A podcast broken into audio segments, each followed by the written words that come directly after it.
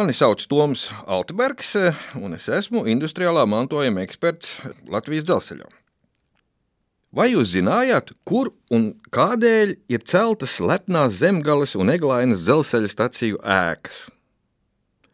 Nu, vispirms, laikam, jāvieš skaidrība par to, ka saskaņā ar mūsdienu priekšstatiem zemgale nemaz neatrodas zemgalē. Es domāju, zemgales stacija sēka. Un Sēlijas galvenā dzelzceļa stacija Eglaini arī vairs neatrodas zemgalē. Tā ir mums ir deputāti lēmuši, un arī plānošanas reģioni izvietoti, ka abas stacijas faktiski atrodas Latvijā. Kaut gan man tā īsti neliekas, un es palikšu pie kultūra vēsturiskā novada iedalījuma. Bet neskaidrības ar robežām ar to nebeidzas, jo stāsts par zemgāles stāciju faktiski ir stāsts par robežām. Tikai te jau mēs pārējām citā līmenī stāsts par valsts robežām vai valstu robežām. Jā, tā bija kādreiz Latvijas un Polijas robežstacija. Nu, šodien, ja tā stacija eksistētu, tā būtu Latvijas un Lietuvas robežstacija. Par viņas apgabala niansēm varbūt šodien mazāk runāsim, bet eh, jautājums par robežām ir ļoti interesants tajā kontekstā, ka faktiski vienu brīdi Turmanta stacija, kas turpat pusotra kilometra attālumā atrodas eh, nu, šobrīdējā Lietuvas teritorijā, tika uzskatīta par Latvijai piederošu eh, staciju, līdz ar to tur vajadzēja vilkt robežu aiz turmantiem. Bet notika savādāk mazliet, un sanāca tā, ka mums tomēr tā stacija bija jāiekārto, jo kā tad nevar jau bez robežu stacijas dzīvot, tad jau parādīsies atkal problēmas ar pārbēdzējiem un tā tālāk. Līdz ar to vajag pēc iespējas ātrāk vilcienam iebraucot Latvijas teritorijā, būt tai vietai, kur tiek izdarīts dažāda veida robežu šķēršošanas operācijas. Un tādā veidā mēs uh, kļuvām par vienu dzelzceļa staciju bagātāku, faktiski jau pirmajos um, Latvijas valsts eksistēšanas gados. Un uh, stacija sanāca diezgan plaša, jo vilcienu no Polijas nāca diezgan daudz. Tie visi bija jāapstrādā, un, un arī pasažieriem jāizkontrolē biļetes, pases jāpārbauda. Līdz ar to arī tika nolemts celt tādu iespaidīgu stacijas ēku. Plānā bija, ka tā būs kaut kur aptuveni 1200 km2 plaša celtne. Arhitekts tika izvēlēts Jānis Neija. Nu, varbūt ne ļoti pazīstams, bet tomēr dzelzceļa kontekstā diezgan.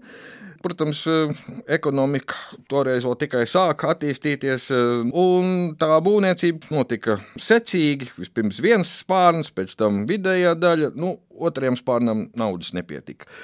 Tā arī stacija palika tādā trīs ceturdaļas stacijas izmērā. Un interesantākais ir tas, ka stacijas ēka šobrīd ir saglabājusies vēl necilākā veidā. Tā tad ir tikai palikusi centrālā daļa, pirmo reizi eh, apmeklējot um, to 1992. gadā, man radās iespējas, ka tā varētu būt uh, kāda sakrāla celtne. Nu, man toreiz kaut kā likās, ka pēc mošejas izskatās šī ēka. Bet izrādās, ka es nebiju daudz kļūdījies par mošeju tā netapa, bet šobrīd tā ir Zemgales Romas katoļu baznīca. Mm, jā, diezgan interesanti pārvērtība. Stacijas ēku pārvērst baznīcā, bet uh, acīm redzot, liktenim tā bija lapaticies, jo šobrīd mums robeža ar, ar Lietuvu tādā klasiskā veidā neeksistē. Mums arī nekādas operācijas tur nav jāveic, un, un ēka vienkārši aiziet bojā. Bet šobrīd tā ir saglabāta un arī ir uh, vietējās nozīmes arhitektūras piemineklis. Bet uh, stāsts nav tikai par zemgali. Turpat nepilnīgi 40 km attālumā Eglainas stacija arī kļuva ļoti nozīmīga sakarā ar jaunās valsts robežām. Šeit iet runa patiešām par robežu ar, ar Lietuvu, bet eh, Eglainas stacija varbūt nav tik arhitektoniski tik, tik neparasta. Tā ir diezgan tāda divu stāvu, kārtīga mūra ēka, bet eh, neparasts drīzāk ir šīs stacijas arhitekts. Eh, nevis neparasts, bet eh, dzelzceļa ēkas vairāk viņš nav projektējis.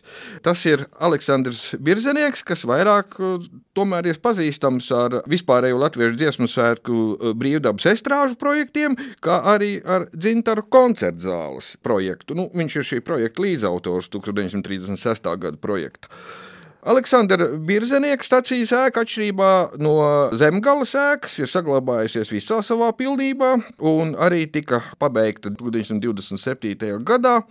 Un ļoti interesanti, ka šīs abas divas stāciju ēkas strādā tā tādā vienā kompleksā, jo nav jau noslēpums, ka starp um, lietuviešiem un poļiem ļoti daudz ģimenes bija šķirtas, uh, diplomātiskās attiecības faktiski nepastāvēja 30. gados, un, nu, lai aizbrauktu no Lietuvas uz Poliju, vajadzēja vispirms iebraukt caur Eglaini Latvijas teritorijā, pēc tam caur zemgali izbraukt uz Poliju. Un, eh, līdz ar to veidojās tāds ļoti, ļoti interesants maršruts. Eh, un ne tikai caur Reglāņa stacijai kursēja arī tā dēvētie starptautiskās guļamvagonu sabiedrības ekspresu vilcieni maršrutā Maskava-Berlīne. Izrādās, ka tuvākais ceļš eh, tobrīd viennozīmīgi ved caur Latvijas teritoriju, un arī caur Eglainas dzelzceļa staciju ir arī saglabājušās tādas fotogrāfijas, kur mēs redzam tos pašus vagonus, kas kādreiz kursēja slavenajā austrumu ekspresī, arī uz Eglainas stacijas fona.